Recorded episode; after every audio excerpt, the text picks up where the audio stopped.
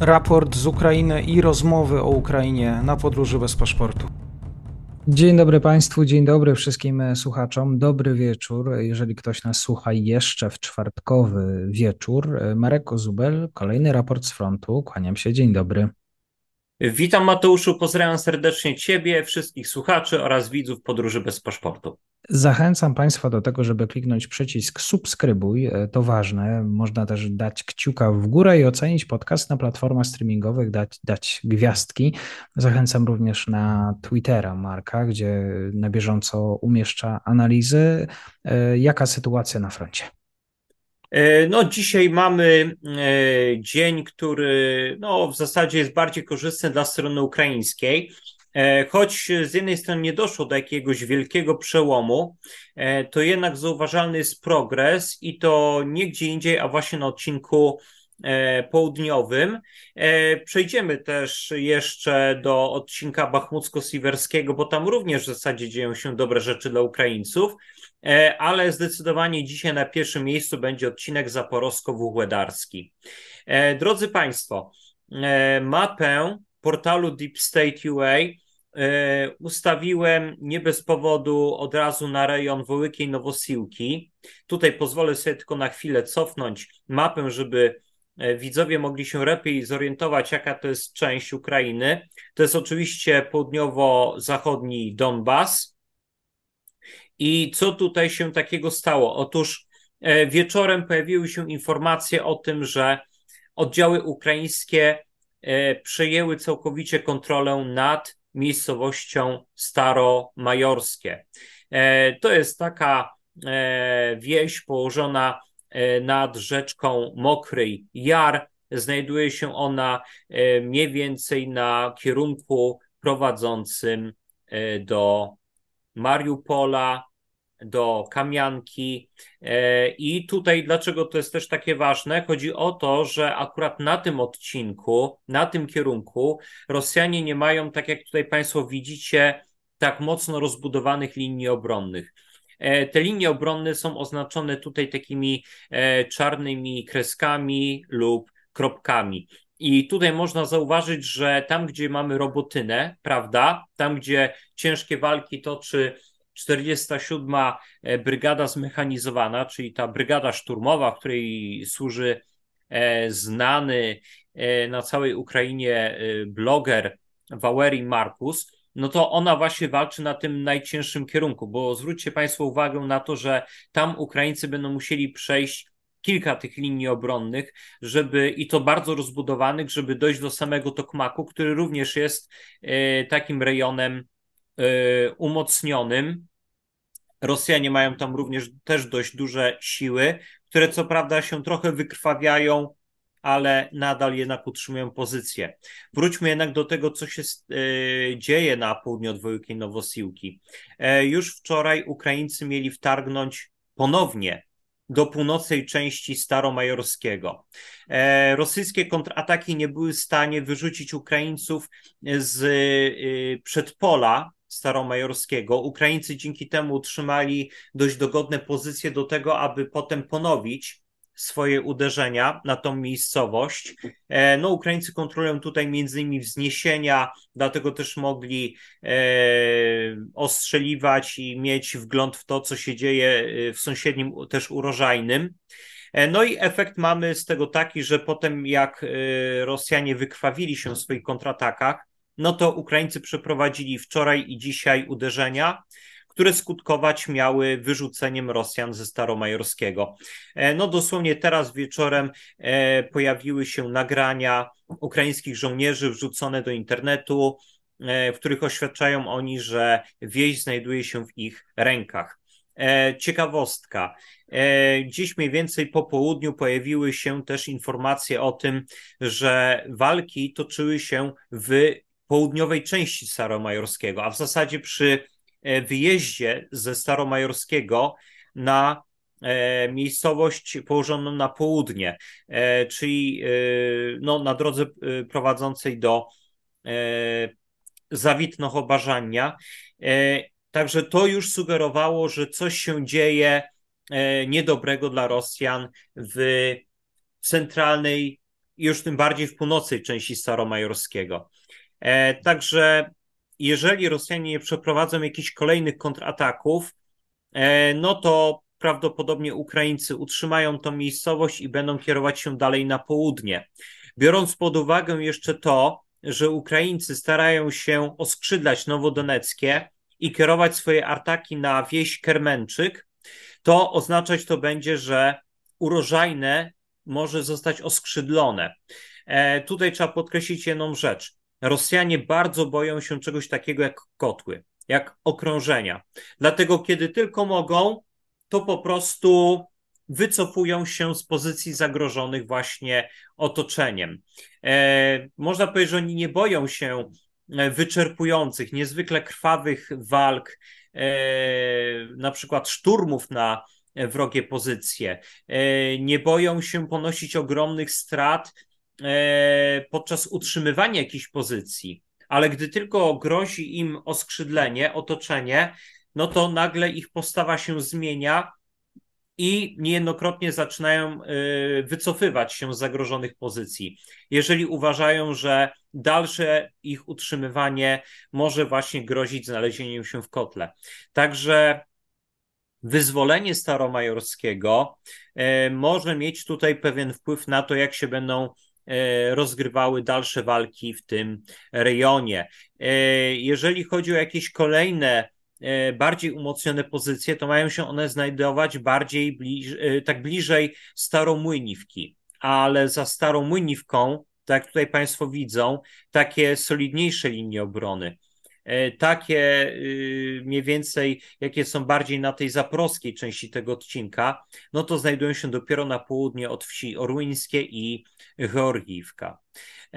Także tutaj no, Ukraińców jeszcze będzie czekało trochę walk, ale jeżeli oddziały rosyjskie wykrwawią się na tym odcinku w walkach o ten pas przesłaniania, który tutaj widzimy, no to, to wtedy powstanie pytanie, komu będzie obsad... no, komu przyjdzie obsadzać te pozycje, prawda? Jeżeli one będą słabo obsadzone, e, to Ukraińcom będzie się łatwiej przez nie przedrzeć. E, być może Ukraińcy zaczynają wyciągać e, coraz więcej wniosków, E, z tego, jak radzić sobie też na polach minowych. Także niewykluczone, że e, Ukraińcom będzie później łatwiej jakoś tutaj podołać temu problemowi, kiedy już dojdą do tej linii. Ponadto Ukraińcy starają się stale polować na rosyjską artylerię, szczególnie E, rakietową, która też może e, dzięki określonym pociskom, takim specjalnym, prowadzić minowanie narzutowe. Starają się polować również na specjalne maszyny, które prowadzą e, minowanie narzutowe. No i również starają się zwalczać zasoby walki radioelektronicznej, po to, aby ich drony mogły działać swobodniej. Także teraz mamy właśnie do czynienia z całym szeregiem prac, które Ukraińcy wykonują E, i które być może może w sierpniu, może we wrześniu pozwolą na przełamanie y, tych właśnie rosyjskich pozycji e, i rozpoczęcie swobodniejszego marszu w kierunku wybrzeża Morza Azowskiego. E, tutaj, zanim przejdę do odcinka bachmucko-siwerskiego, to szybciutko tylko jeszcze dodam, że oddziały ukraińskie zaczęły się wbijać mocniej e, w linie rosyjskie pomiędzy wsią Robotynę a Werbowe. E, nawet pojawił się film, na którym jeden z wysłanych prawdopodobnie na zwiat bojowych wozów piechoty podjechał dość blisko e, tak zwanych smoczych zębów, czyli takich charakterystycznych betonowych piramidek, które się sadza po to, aby y, zatrzymały e, wrogie pojazdy pancerne gąsienicowe. E, także tutaj pod Robotynę też możemy zaobserwować pewne niewielkie, ale jednak korzystne zmiany dla strony ukraińskiej.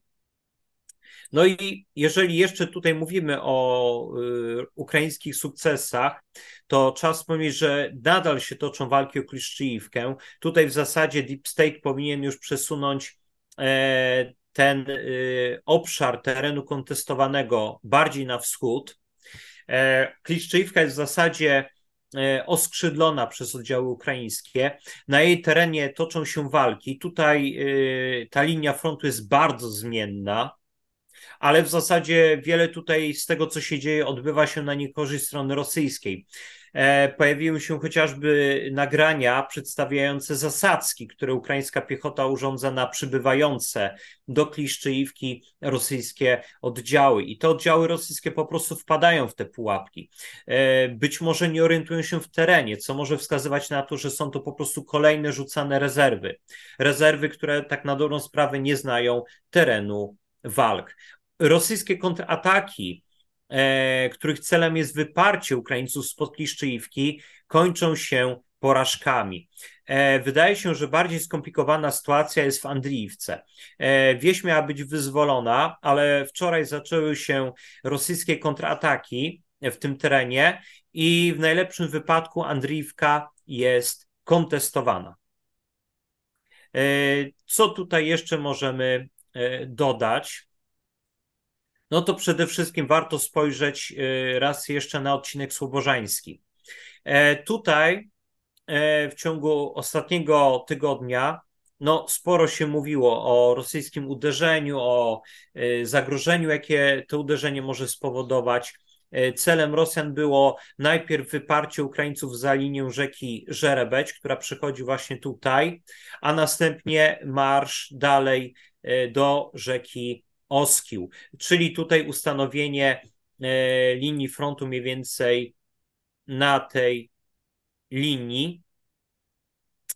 E, co by to dało? W zasadzie e, Rosjanie prawdopodobnie nie liczyli na to, aby znowu dojść powiedzmy do Izjumu, do Bałakli, żeby znowu zagrozić dla Charkowa. Bardziej prawdopodobnie chodziło w tym wszystkim o to, żeby właśnie zmusić stronę ukraińską do zaangażowania na tym odcinku tych rezerw, które potencjalnie mogłyby zostać użyte w walkach na południu Ukrainy. I to się właśnie Rosjanom nie udało. E, jeżeli chodzi o impet rosyjskiego uderzenia, e, no to gdzieś ten impet się wytracił. E, Rosjanie, jeżeli nie zaangażują większych sił, chociażby reszty pierwszej armii pancernej gwardii, bo na razie wykorzystują tylko jej część, no to raczej nie mają co liczyć na to, żeby nawet wyrzucić Ukraińców właśnie za Żerebeć. Nic z tego nie wyjdzie i w zasadzie największym sukcesem tego rosyjskiego uderzenia było wyparcie oddziałów ukraińskich w tym górnym biegu E, rzeki Żerebeć, e, czyli wyparcie Ukraińców spod e, Rajchorodka, Kowaliwki, Karmazyniwki oraz rejonu Nowowodianego, czyli stworzenie właśnie tego niewielkiego, dość płytkiego wybrzuszenia. No to wybrzuszenie ma mniej więcej jakieś, w zależności od miejsca, E, od 3 do e, maksymalnie 5-6 kilometrów, nie więcej. Mhm. I to jest właśnie efekt wielu dni walk i angażowania e, rosyjskich oddziałów, bardzo licznych, bardzo intensywnego też zaangażowania rosyjskiej artylerii. A jeżeli chodzi o rezerwy, pojawiły się informacje, że Ukraińcy zaczynają je stosować, owszem, ale na odcinku południowym. E, pojawiły się informacje, że niektóre nowo formowane brygady, e, które miały być właśnie zaangażowane do ofensywy, e, no pojawiły się właśnie w pobliżu strefy walk na Zaporożu. Chodzi tutaj między innymi o 118 brygadę zmechanizowaną. No, zobaczymy ostatecznie, czy zostanie ona szybciej zaangażowana do walki, czy też później. Mhm. E, no, myślę, że to w zasadzie e, tyle. E, ta sytuacja na froncie naprawdę może być jeszcze bardzo zmienna, co pokazują chociażby działania pod Bachmutem. Także jedyne, co nam pozostaje, to po prostu czekać i nadal obserwować rozwój sytuacji. Bardzo dziękuję Marku za dzisiejsze podsumowanie. Państwu dziękuję za odsłuchanie. Kłaniam się do usłyszenia. Ja również się kłaniam serdecznie, pozdrawiam.